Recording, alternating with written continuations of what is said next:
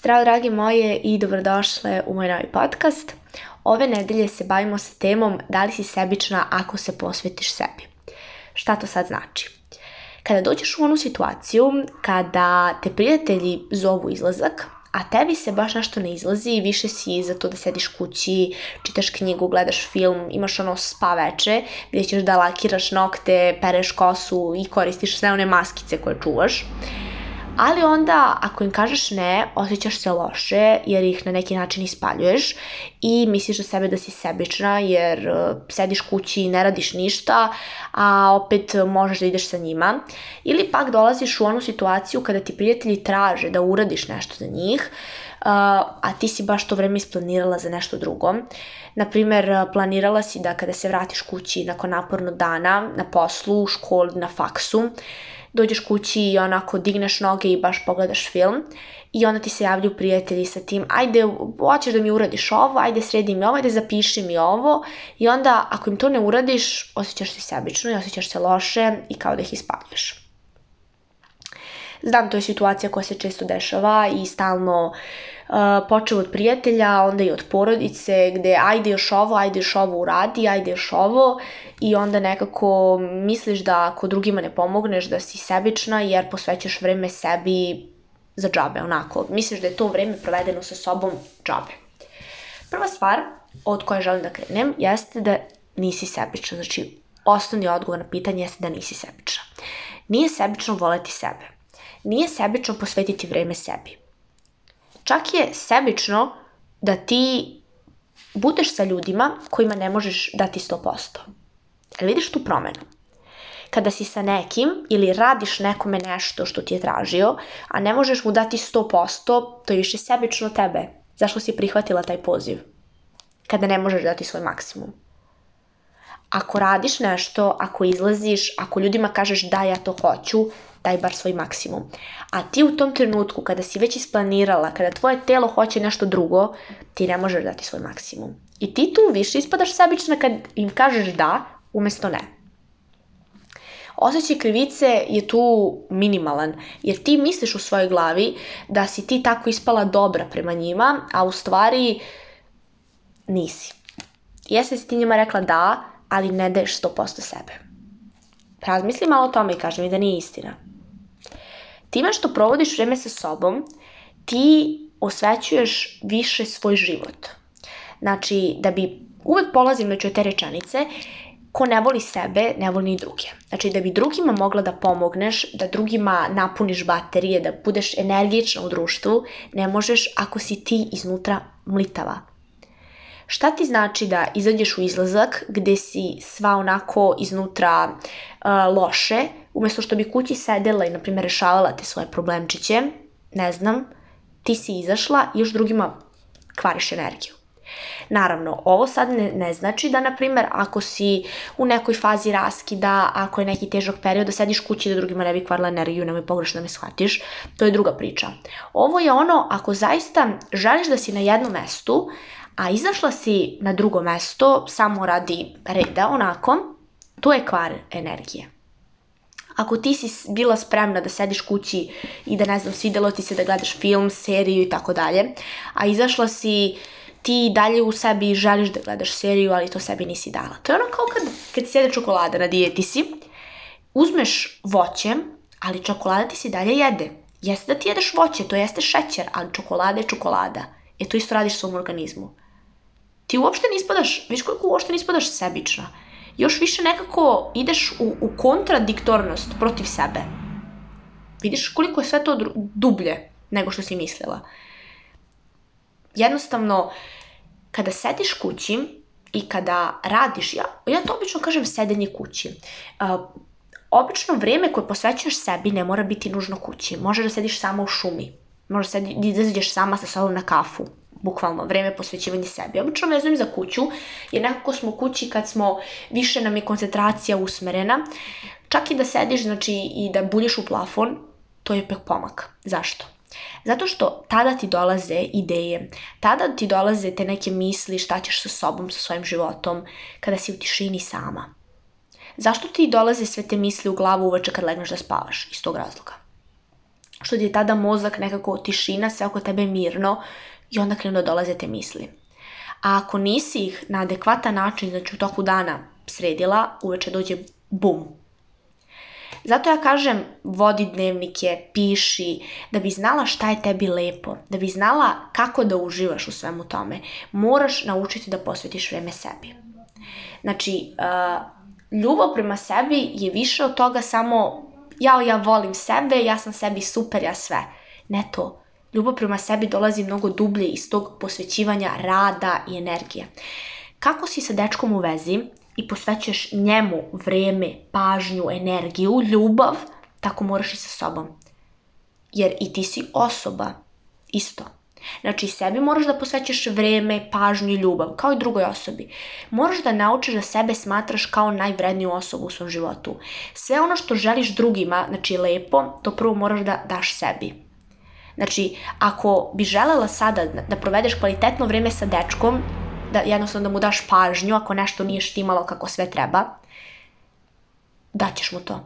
A ako vidiš da sa tobom nešto ne štima i da ti je organizam onako loše, da tu ima nekih problema, zašto to samo potiskuješ? To ti je kao da si mu rekla, znaš što tvoje nije bitno, idem ja da pričam s drugima.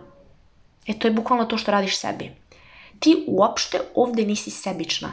Ti si čak suprotno radiš protiv sebe i onda ti budeš gore. Znači, jako je važno da sebi posvećuješ vreme, energiju, pažnju, ljubav, sve to. Da svakodnevno radiš na tim malim stvarima, analiziraš sebe, gledaš gde su ti problemi, gde su ti strahovi. Čak, što sam rekla, sedi i gledaj u plafon. Znači, leži, gledaj u plafon i razmišljaj o tome šta ti je loše, šta ti je dobro u životu, šta bi da menjaš, šta ovo, šta ono tako ćeš jedino da napraviš pomak u svom životu. Tako ćeš jedino da se rešiš ovoga što ti sad ne valja, što ti smeta, što ti je smeće. Jer uh, kada ne rešiš sama svoje smeće, ti prenosiš drugima to smeće. I onda automatski se tvoj organizam menja, automatski se vaš odnos menja. Znači, polaziš uvek od sebe. Bolestan doktor ne može da pomogne bolesnom pacijentu. Znači, doktor prvo mora onda ozdravi da bi pomogao drugima. Isto tako ti. Moraš prvo sa sobom, znači, da budeš u redu, da bi pomogla drugima. To isto tako kad se stupa u vezu. Ti prvo moraš da budeš u redu sama sa sobom, da znaš koje su tvoje vrednosti, šta želiš i tako dalje, da bi mogla od drugog to da tražiš. Jer kako tražiš nešto što ne znaš? Kako da praviš tortu, i ideš u prodavnicu u nabavku kad ne znaš recept, kad ne znaš šta ti treba, šta, šta da kupim? E to je to. Moraš, znači, da bi imala život ispunjen, srećan, da bi stalno bila u toj nekoj harmoniji sa sobom i da ne bi dolazila u te trenutke gde kukaš kako ti ništa ne ide, kako je sve loše, zašto baš tebi, kako svima drugima može oko tebe, kako svi imaju dečka, zašto ga ti nemaš, svi imaju srećan život, zašto ga ti nemaš. Moraš to da naučiš. Znači, moraš da nađeš svoj recept. Bukvalno svoj recept. A to se traži u tim trenucima kada sediš kući Ja sad ti ne kažem da ti otkažeš sve izlaske zauvek, već jednostavno da odvojiš vreme za sebe. Ako ne odvojiš vreme za sebe, to će ti u budućnosti škoditi. Jer ljudi u tvom životu su prolazni. Ljudi dolaze, odlaze i tako dalje. Ti ostaješ. To telo koje sada imaš, ti ga nosiš kroz ceo život, taj mozak. Ti ceo život živiš u svojoj glavi. Zašto da živiš negde da ti nije lepo? A već imaš tu moć da živiš u prelepo mestu. Znači, zavisi od tebe. I onda to vreme koje bi, na primjer, koristila na te neke izlaske koji nemaju smisla, jer većinom neki izlasti stvarno nemaju smisla, gde ćeš da se okrećeš u krug i pričaš neke tračeve ili tako nešto s kafe na kafu, s kafe na kafu, cigara i pričanje sad o drugim ljudima, šta ko radi, ko s kim spava, gde ko ide. umesto toga, sedi kući i razmišljaj o tome šta ćeš ti, gde ti ideš, s kim ti spavaš i tako dalje. To je poenta. To je poenta svega ovo što ti ja pričam. Da prvo vidiš sebe. Kako ti možeš sada da tvojim drugaricama pričaš da je loše, na primer, da u stvari da treba da, ne znam, sede kući, da pišu dnevnike sreće, da će im to pospešiti život kad ti to prva ne radiš. Kako ti možeš sad drugima pričati, znaš, ne valja ogovarati, a svaki dan sediš s njima na, po tri sata na kafi i ogovaraš.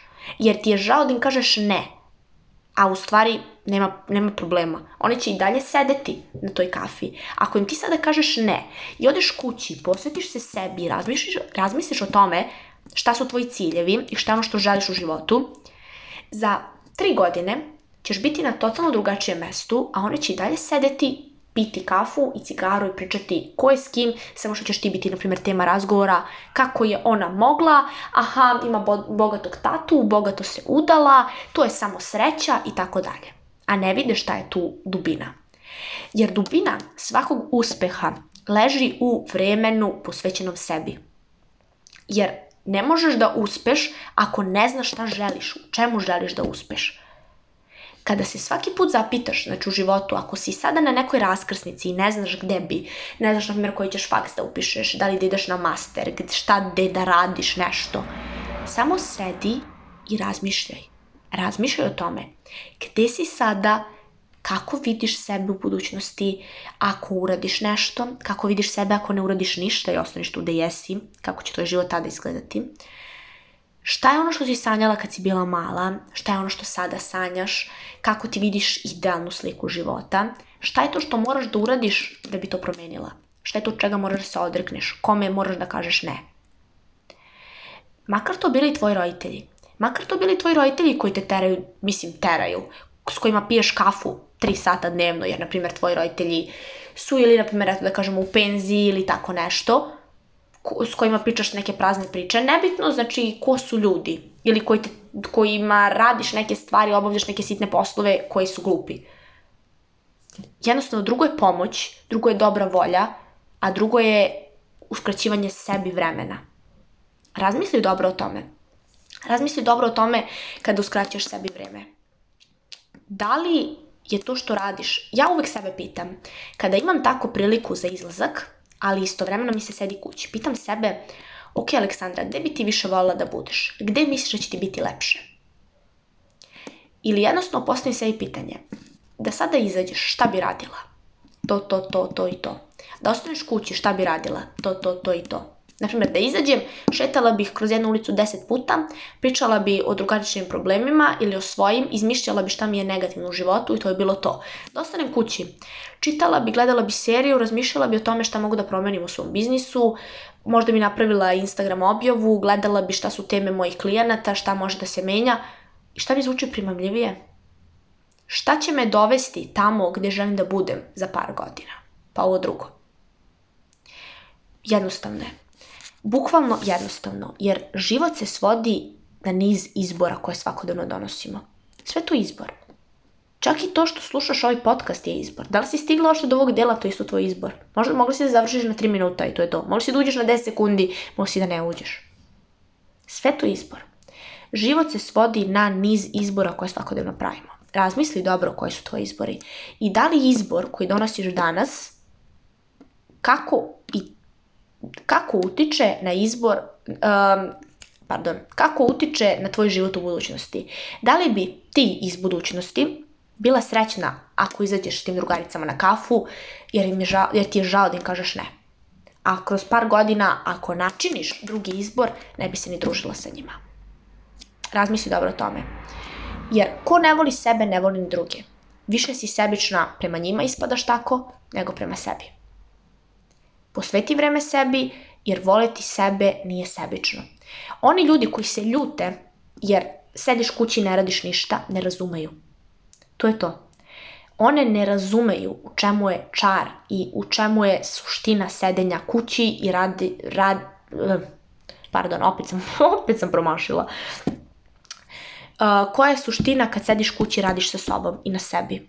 Koja je suština kad sediš i buljiš u jednu tačku i razmišljaš o tome gde grešim?